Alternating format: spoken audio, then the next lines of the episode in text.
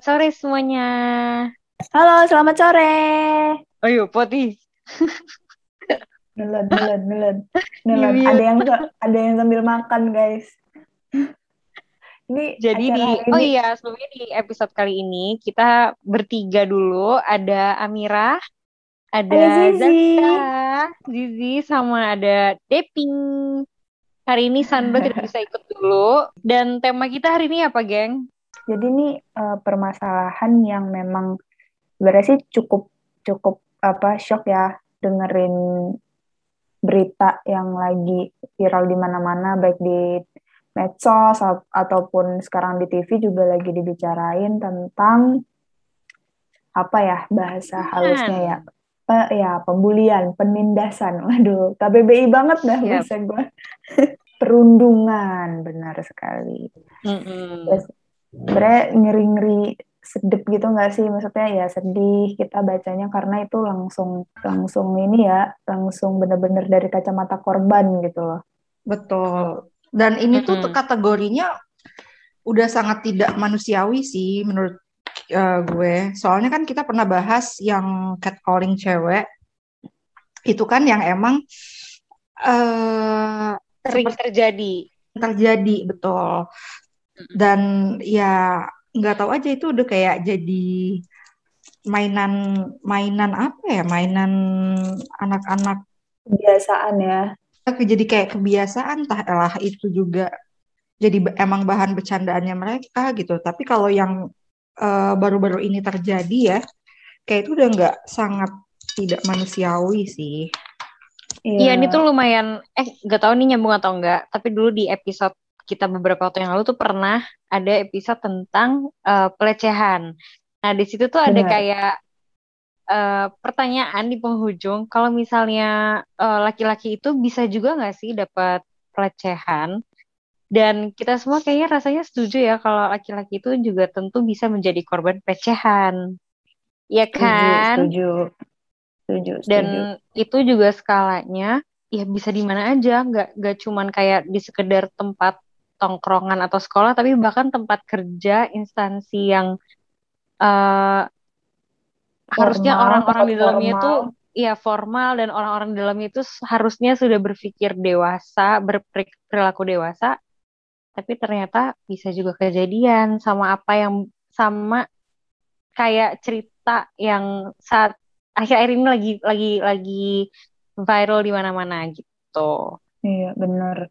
Dan sebenarnya sih agak ya mungkin ada beberapa kasus yang yang hampir mirip ya, maksudnya pelecehan di tempat kerja, tapi sih lebih banyak perempuan gak sih yang kita dengar Hmm, ya, yang iya. kita dengar biasanya, biasanya. Nah ini ya sebenarnya sih dua-duanya sedih mau perempuan mau laki-laki yang kena eh, hal itu yang yang kena pelecehan itu sebenarnya itu ya gimana sih kita di tempat kerja yang menurut kita ya fokus kita hanya nyari kerja nggak sih? Maksudnya ya udah kita ngerjain apa tugas dari atasan tiba-tiba ada hal tekanan yang lain yang di luar kerjaan itu menurut gue kayak ya ya bakal ngerusak mental gitu loh. Gimana ya bilangnya?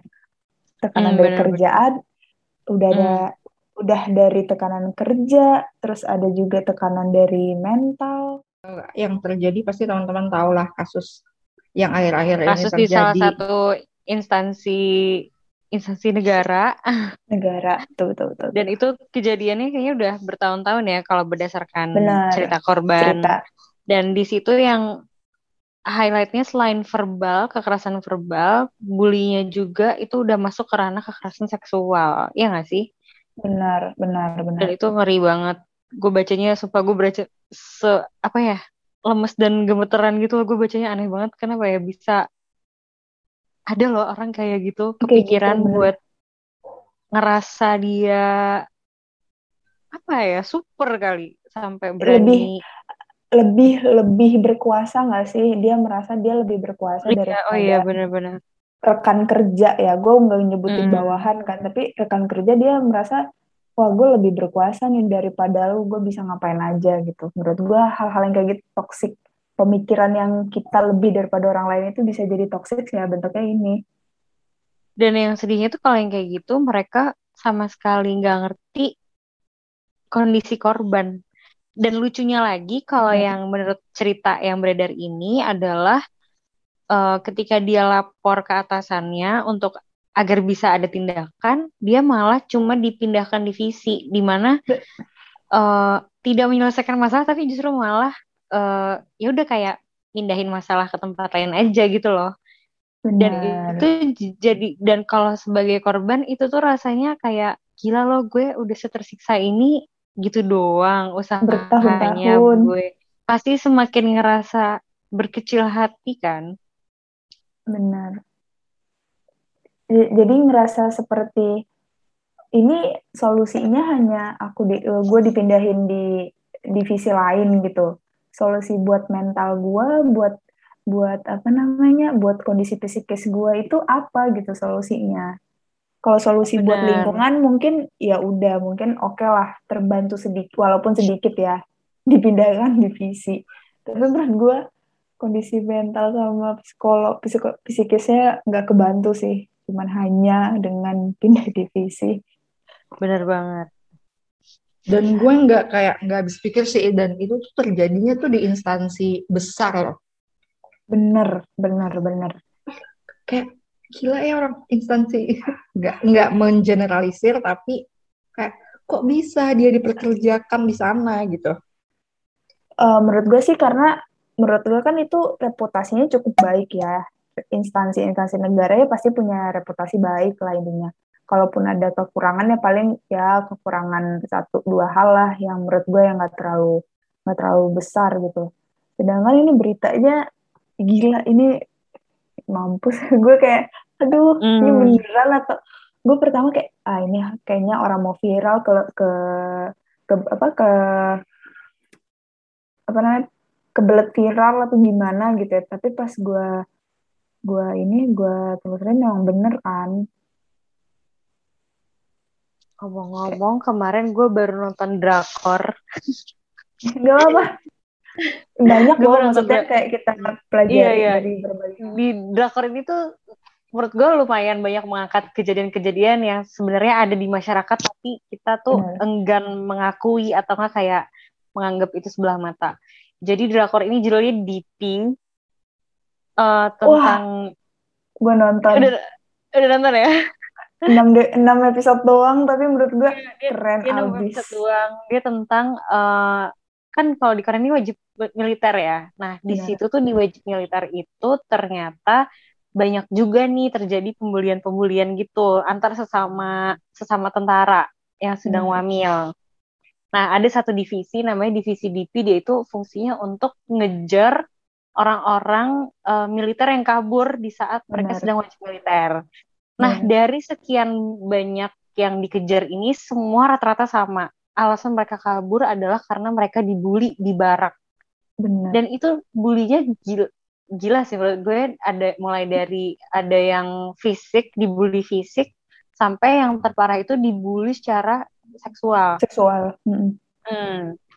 dan gue langsung kayak pas gue baca cerita yang akhir-akhir di beredar gue langsung kayak ih ya ampun bener dan itu kalau dilihat dari sudut pandang korban ya ya emang kita tuh harus berdiri bersama korban gitu gue pikir itu kayak gitu yeah, yeah, yeah. apa yang harus kita lakukan adalah kita harus ngebela korban karena gimana ya dibu dibully aja kita udah ngerasa hina ini dibulinya secara seksual lagi hmm. udahlah merasa lo berkecil hati merasa berasa kayak gak berdaya berasa lemah pasti kan itu ada semua kan campur aduk hmm. dan ternyata just bisa saja itu kayak ya ampun ada loh ini kejadian di dunia nyata dan kejadian di instansi kalau itu kan di drakor di kejadiannya di instansi kan ya ya itu kan drakor lo bisa bikin skrip apa aja kan. Benar. nah ini di Indonesia di negara kita ya ampun kejadiannya nyata gitu ya. Nyata dan benar-benar di instansi yang instansi pemerintah gitu loh. Dan kejadiannya bertahun-tahun. Benar. Benar-benar korban ini berarti kalau menurut gue kuat banget sih. Gila gue salut banget sih sama mas itu. Yang dia bertahan di situ buat dan yang lebih iya benar. Dan yang hebat lagi akhirnya dia berani untuk mengutarakan apa yang dia pendam sama ini. Tuh hebat banget. Karena hebat. mungkin gak semua orang akhirnya bisa milih untuk ke sana kan untuk untuk cerita. Ada rasa malu ada rasa takut malah dibully balik. Tapi gue salut banget sih sama langkah yang diambil. Jadi orang-orang juga aware ke sana kan. Benar. Dan yang gue sangat sayangkan adalah hal ini tuh bukan hal yang pertama gak sih terjadi di sekitar kita gitu loh. Dan menurut gue kayak kok nggak kelihatan ya dampak jerah yang diberikan ke pelaku pembulian atau pelecehan ini gitu loh. Dari mungkin dari pihak pemerintah atau ada pihak yang lebih berwajib yang menegakkan hukum tapi kayak kok masih ada sih keulang gitu loh dan di Indo nggak tahu sih kalau menurut gue sih di Indo sih kurang tegas aja sih masalah kasus-kasus yang emang berhubungan dengan mental health ini. Hmm. Dan menurut iya. gue pelakunya kalau memang terbukti selain dia harus dipecat dia juga harus dipenjara. Kalau gue sih mikir langsung kayak gitu. Benar. Gue nggak mau tuh asal pelaku ya kenapa asal cuman bayar denda. Gue kayak ya Atau ampun. kayak minta maaf secara terbuka. Nggak, iya. nggak, bisa, bisa. Gue kalau minta maaf secara terbuka, gue udah no, no parah kayak udah udah lu minta maaf ya udah minta maaf tapi kan itu perlakuan yang memang harus dipertanggungjawabkan Ada, kan iya bener ya. ya. dan gue kayak berharap kayak semoga pelaku-pelaku itu benar-benar diblok dari semuanya dari masyarakat dari segala instansi ya. mau dari mana pokoknya tujuh orang itu harus di blacklist saja itu harus ada hukuman sosial sih yang mereka jalanin. Iya. Ya bukan kita mendoakan yang jahat ya, tapi menurut gue ya apa yang lu tabur ya bakal lu tuai lah nanti. Jadi ya memang benar kata Amira kita memang harus berdiri di di samping korban gitu loh. Karena korban itu udah bertahun-tahun punya punya tekanan yang luar biasa, bukan masalah tekanan kerjaan lagi tapi psikisnya guys, lu bayangin dong. Dia sampai uh -uh dia tuh sampai di apa sih kalau ke dokter terus di ponis di po, di ponis PSTD uh, PTSD PTSD PTSD ya itu. uh, PTSD apa kepanjangannya saya lupa deh uh, panjang sih uh -uh. tadi gue kayak gue baca lupa di gue. itunya tuh uh, di ceritanya dia ceritanya terus, uh, uh, dan gue sangat gila sih. Oh, traumatic syndrome disorder bukan ya? Apa foto apa pot pot pot googling please pot. Ini ini gue lagi nyari. Stress disorder. Post traumatic stress disorder. Udah. Oh post ya? Iya post. Oh iya hmm. Oh. Dan dia itu tuh uh, sempat ngelapor dua kali juga ke pihak berwajib. Dan tanggapannya tuh kayak ya Allah miris banget sih tanggapannya. Itu udah parah sih. Maksudnya dari 2011 loh. 2011 atau 2012 gitu. tahun. iya. Ya dan ya sama. Kondisi korbannya sendiri juga sebenarnya serba salah ya. Keluar berarti kan dia kehilangan pekerjaan dan cari kerja itu nggak gampang. Kalau lanjut juga ya dia dia ngejalanin lanjut selama ini berarti bertahun-tahun setiap hari dibully. Lo bayangin gak sih? Uh-uh. stres banget. Gue tuh kayak nggak nggak masuk di logika gue adalah juga uh, yang mana kayak um, teman-teman kantornya yang lain tuh gimana ya? Kayak pas hal itu terjadi atau mungkin dia melakukannya after office hour kali ya. Dan mungkin pas lagi sepi terus kayak emang udah diincer nggak sih berarti kayak mereka si Mas MS ini? Mungkin yang pas pelecehan seksualnya iya nggak pas office hour kali ya ya hmm. tapi kalau yang pembulian verbal verbal gitu verbal. mungkin bisa juga terjadi di saat jam kerja dan orang juga serba salah nggak sih kalau kayak gitu tuh karena kan mereka merasa superior ya yang bully-bully tuh hmm. pasti ada rasa takut juga kan Iya sih.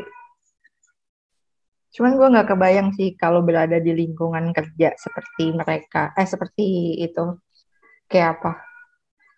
Gak bakal betah gua- kalau gue gue berdoa enggak enggak deh gue kerja di lingkungan yang kayak gitu Ya udah deh sih, enggak sih, udah baik banget.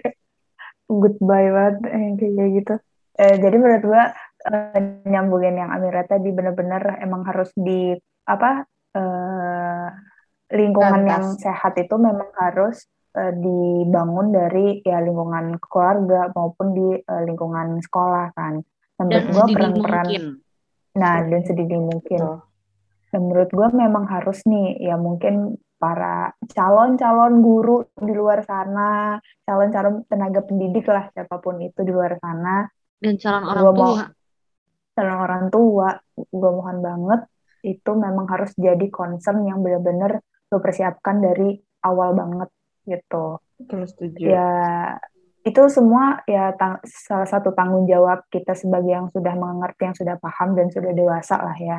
Kita harus mengajarkan karena kita tahu pembulian dan kekerasan itu bukan hal yang baik gitu dan tidak patut dilakukan. Itu sih pesan dari gue kalau bagi calon-calon penerus di luar sana. Hai pendengar, semoga kalian bisa melaksanakannya ya. Ya, buat Iya. teman-teman buat teman-teman. Mungkin yang pernah eh, ngerasain pembulian atau secara verbal atau fisik em, ngomong aja. Ngomong gak ada salahnya sih. Tapi kalau emang kalau kalian ada orang kepercayaan buat cerita ceritain aja biar eh, bebannya itu berkurang gitu loh. Gitu sih buat teman-teman yang Benar-benar. Ada yang ingin disampaikan hmm, atau Hmm, merasa Kalau gue buat, gue nggak tahu sih. Mungkin pernah nggak sengaja atau mungkin tiba-tiba gue kalau lagi ngomong kayak pedes atau apa dan ngerasa kalian tertindas, terintimidasi oleh apa yang pernah gue lakuin, gue minta maaf sih. Minta maaf sebesar-besarnya karena sebenarnya Oh, tidak sama pernah sih. juga. olehku untuk menindas orang. Tuh, sama itu. Pokoknya intinya kita Benar. minta maaf kalau memang kita ada salah kata-kata, nggak bermaksud untuk uh, menyakiti satu sama lain. Cuman kita minta maaf aja kalau ada salah kata. Mungkin dari OKS ini juga ada salah kata. Sama episode-episode sebelumnya, kita mohon maaf. Kesotoyan. Hakiki. Terus buat em, Iya. kasus-kasus, ini siapa tahu ya ini didengar oleh pihak yang mempunyai kekuasaan lebih yang bisa menegakkan hukum eh, untuk menindaklanjuti kasus-kasus pembulian. Karena itu bukan hal yang sepele sih, itu hal-hal yang sangat urgent. Karena kenanya tuh langsung ke mental dan Nah. healing mental itu lebih susah daripada Benar, healing fisik gitu. Iya, Betul. kalau fisik tuh bisa lo Benar. kasih obat apa gitu. Nanti Dan dia akan kelihatan. Nah, Mm-mm. kalau mental di dalam diri itu kayak dia akan apalagi udah di vonis apa tadi P- PSD. PTS- PTSD. Belum lagi kan gak semua orang bisa menceritakan ke orang lain gitu. Ada yang Hmm. ngerasa tak udah takut duluan kan mau cerita walaupun misalnya mereka ke profesional juga Belum tentu ada bisa jadi biaya. nggak iya benar gitu. Jadi harus Ya. dijaga banget. harus dijaga. Betul. Semoga Icu. Ya semoga kas kasus yang lagi lagi apalah maksudnya lagi ada sekarang yang yang baru ini cepat cepat ditindaklanjuti dan eh, segera mendapatkan solusi ya. amin. Amin. Dan- Amin. Gue Ya, sih semoga, semoga pelaku baik-baik saja. betul, amin. Hmm, gimana? gue semoga pelaku mendapatkan em, balasan em, hukuman yang, Yang setimpal Timpal. ya setimpal tuh kayak nggak bisa lo nggak bisa kabur lo nggak boleh minta maaf doang